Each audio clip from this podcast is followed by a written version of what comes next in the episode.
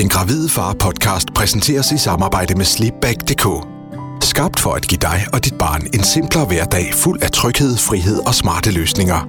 Se mere på Sleepback.dk. Vores fertilitetsrejse, kapitel 3. Man plejer at sige, at tredje gang er lykkens gang, og vi var netop kommet til vores tredje forsøg. Vi var begge meget spændte, for efter de to første mislykkedes forsøg, kunne man godt frygte, at det her det ville blive en langvarig affære. For at forbedre sig bedst muligt, og kroppen 100% på det næste forsøg, så havde Marete taget overlov fra arbejdet, imens forsøget fandt sted. Der var ikke noget, der skulle være til hindre for, at det ikke skulle lykkes den her gang. Dagen kom, hvor vi skulle afsted til Skibe. Vi havde begge taget fri fra job, så vi var klar til at køre, når de ringede fra klinikken. Telefonen ringede. Ægget var vellykket optøet, og vi drønede afsted mod Skive. Igen var vi i god tid. Vejret var fantastisk, og vi holdte den traditionsrige pause på en resteplads. Da vi kom til en lille by, der hedder Virksund, kunne vi se på afstand, at der var kø ved dæmningen. Fuck. Hvad sker der nu? Der var ingen både, der skulle igennem.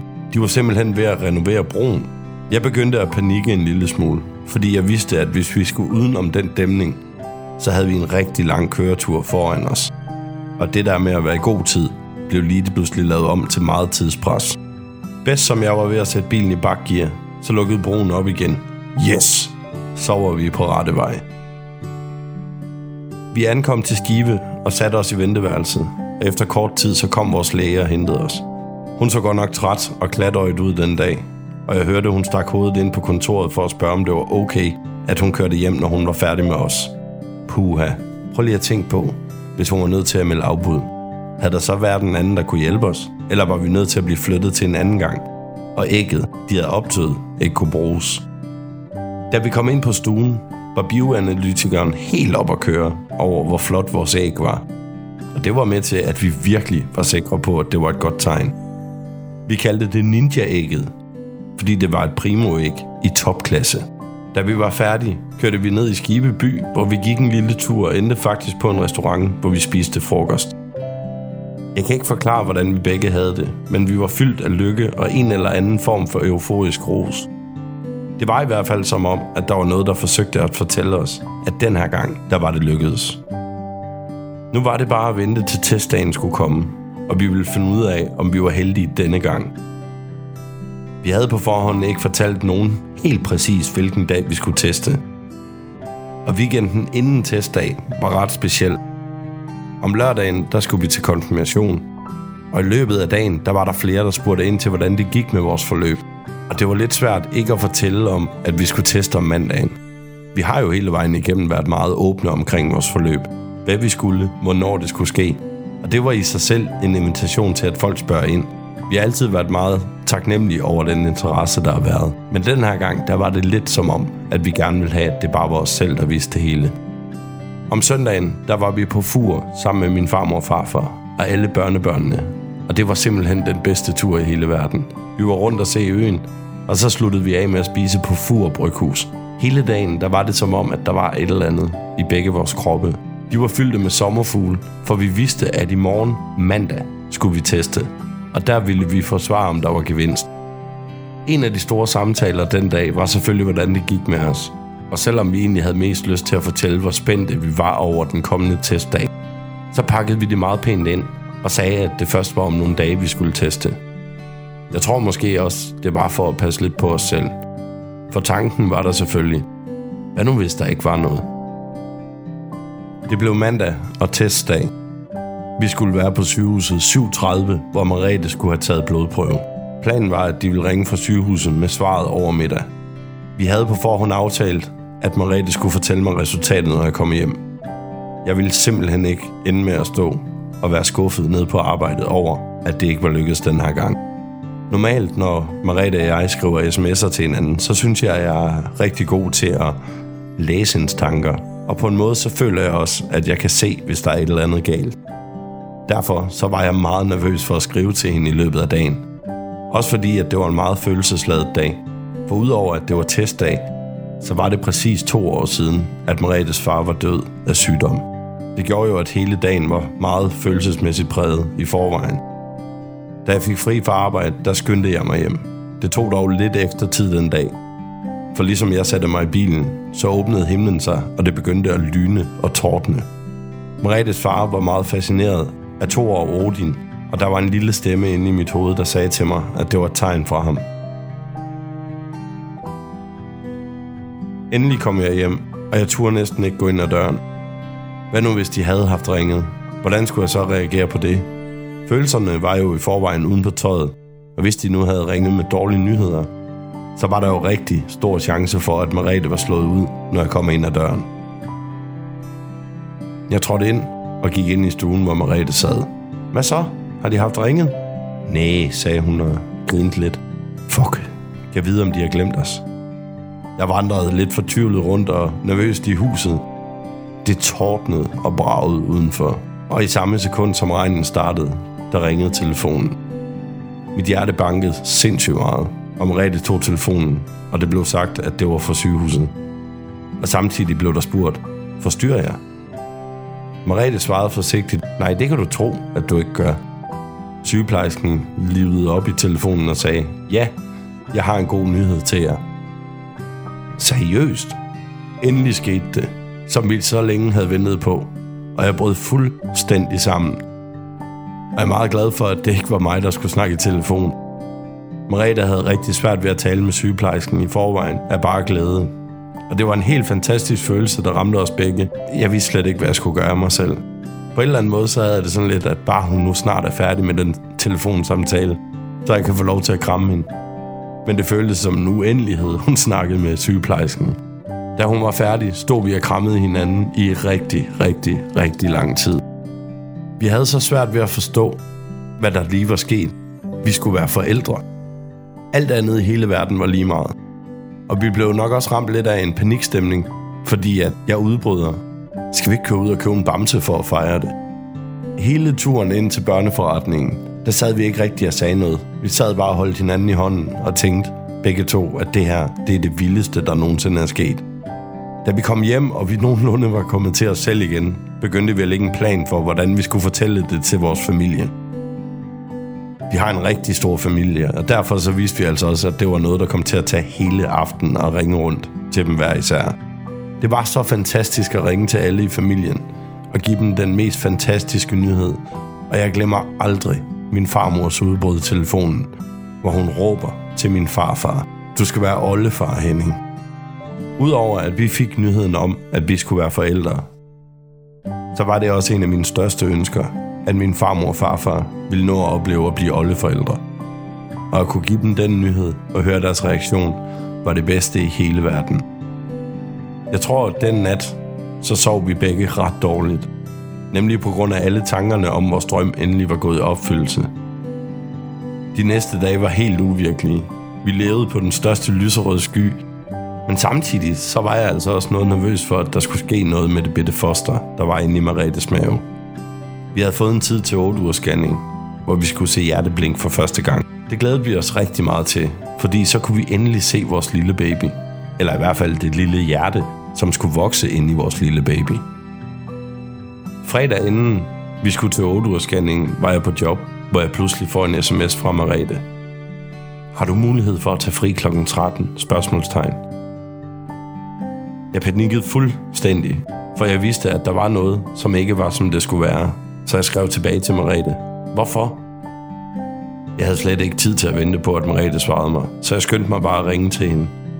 Hun tog telefonen og lød meget alvorlig, hvorefter hun bryder sammen i grøvet og siger, jeg er begyndt at bløde. Jeg kan på ingen måde beskrive den følelse, der ramte mig, og jeg mistede fuldstændig fatningen, og jeg kunne overhovedet ikke samle mig op igen. Det gav heller ikke nogen mening op i mit hoved, det her. For vi havde jo fået beskeden om, at vi skulle være forældre på toårsdagen for Maretes fars død. Det var jo skæbnen, der fortalte os, at vi skulle være forældre. Følg Den Gravide Far på Facebook og Instagram. Bare søg efter Den Gravide Far. Alle tankerne fløj igennem mit hoved, der jeg havde lagt på. Vi havde heldigvis fået en tid til tryghedsscanning på sygehuset, og det var endda fredag. Vi aftalte, at jeg skulle komme hjem og hente Merete, inden vi kørte derop. Nu skulle jeg ind og fortælle min chef, at jeg var nødt til at køre akut, fordi Merete var begyndt at bløde. Samme chef, som jeg tidligere stolt havde fortalt, at jeg skulle være far. Det var selvfølgelig ikke noget problem at få fri, og jeg skyndte mig at gøre færdig på arbejdet, så jeg kunne komme ud af døren. Jeg tror, at køreturen hjem fra job gik lige så stærkt, som hvis jeg havde været på vej til fødestuen med Marete i fødsel. Da jeg kom hjem, blev jeg mødt af Marete i døren. Vi stod og holdt om hinanden i rigtig lang tid og prøvede at samle tankerne og finde alt det positive frem, vi overhovedet kunne, inden vi skulle køre. Jeg spurgte ind til, hvordan Merete havde det, og hun fortalte mig, at hun ikke havde ondt, men at hun havde blødt en del. Oh shit. Hvor ville det bare være ubeskriveligt forfærdeligt, hvis det bitte liv, Merete havde inde i maven, var blevet skyllet ud i toilettet. Vi satte os ud i bilen og kørte mod sygehuset. Vi var egentlig ikke kede af det, og vi havde ikke opgivet håbet. Jeg tror, vi var mere nervøse for den besked, vi skulle op og have. Og da vi kom op på sygehuset, der satte vi os i venteværelset, hvor ventetiden bare føltes uendelig lang. Og endelig der kom sygeplejersken og hentede os. Det var en af de sygeplejersker, som havde fulgt os fra day one, og det var faktisk rigtig rart. Lidt tryghedsagtigt, hvis man kan sige det. Normalt der plejer vi at snakke og grine på vej ind til venteværelset. Til rum 6, hvor vi plejer at være. Men den her gang, der var alle tavse. Der var en meget trykket stemning, da vi kom ind. Det var ligesom om, at både lægen og sygeplejersken egentlig havde indstillet sig på, at der måske ikke var liv i Maretes mave mere. Samtalen med lægen tog en evighed. Sådan føles det i hvert fald. Til sidst så blev Marete bedt om at hoppe op på briksen, og scanneren blev fundet frem. Vi holdt hinanden i hånden og kiggede på skærmen. Da der kom et skærmbillede, der kunne vi sagtens se, at der var sket noget med Maretes mave. Efter alle forsøgene med nærmest ene undervisning i tomme livmoders univers, så kunne vi se, at der var noget andet derinde, og det var vokset. Heldigvis så lægen samme plet, som vi gjorde, og hun begyndte at zoome ind. Ja, det her, det er så foster. Det, I ser her, det er det lille hjerte, der blinker. Og da hun sagde det, der brød vi fuldstændig sammen.